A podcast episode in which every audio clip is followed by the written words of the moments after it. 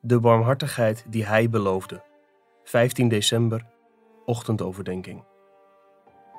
En ik zeg dat Jezus Christus een dienaar van de besnijdenis is geworden, ter wille van de waarheid van God, om de belofte aan de vaderen te bevestigen, en opdat de heidenen God zouden verheerlijken vanwege de barmhartigheid.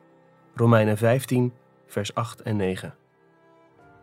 Gods gaven zijn kostbaarder dan we in woorden kunnen uitdrukken, maar we zullen er voor eeuwig over zingen.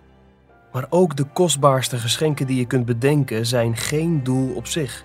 Ze verwijzen ons allemaal naar God zelf. Daarvoor zijn al zijn gaven uiteindelijk bedoeld. Neem bijvoorbeeld vergeving. Toen Christus als losprijs onze dienaar werd, nam hij de vloek van de wet en de dreiging van de straf weg voor ieder die gelooft. Wat is het doel daarvan? Dat wij straffeloos van de zonde kunnen genieten? Nee, het doel is dat wij in eeuwigheid van God zullen genieten. Vergeving is kostbaar omdat hij ons thuis brengt bij God. Waarom zou je vergeving willen ontvangen? Als het antwoord is dat het alleen maar gaat om psychische verlichting, alleen om aan de hel te ontkomen of alleen om meer lichamelijke genoegens te hebben, dan ontvangt God niet zijn eer. Romeinen 15, vers 9 zegt dat het doel van Christus dienst aan ons is dat de heidenen God zouden verheerlijken vanwege de barmhartigheid.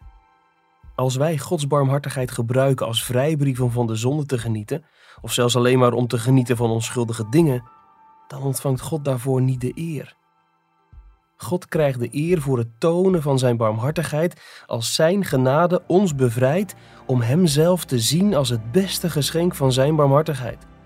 Als de persoon die het meer dan wie ook in het universum waard is dat we ons in Hem verheugen.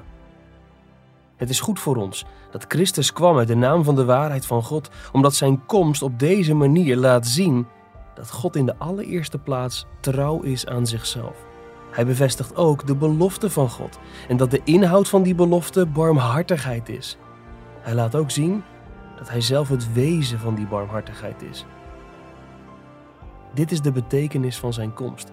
Dit is de betekenis van het kerstfeest. O, dat God je hart wakker schudt om te zien dat je als zondaar diepe behoefte hebt aan barmhartigheid. Dat Hij dan je hart in vervoering brengt door de grote Verlosser, Jezus Christus. Dat Hij vervolgens je tong losmaakt om Hem te loven en je handen om Zijn barmhartigheid door jouw handen te laten zien.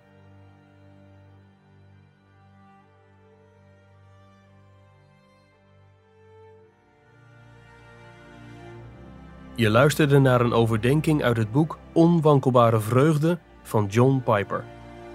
Het boek bevat 50 ochtend- en avondoverdenkingen voor Advent om je te helpen Christus centraal te stellen.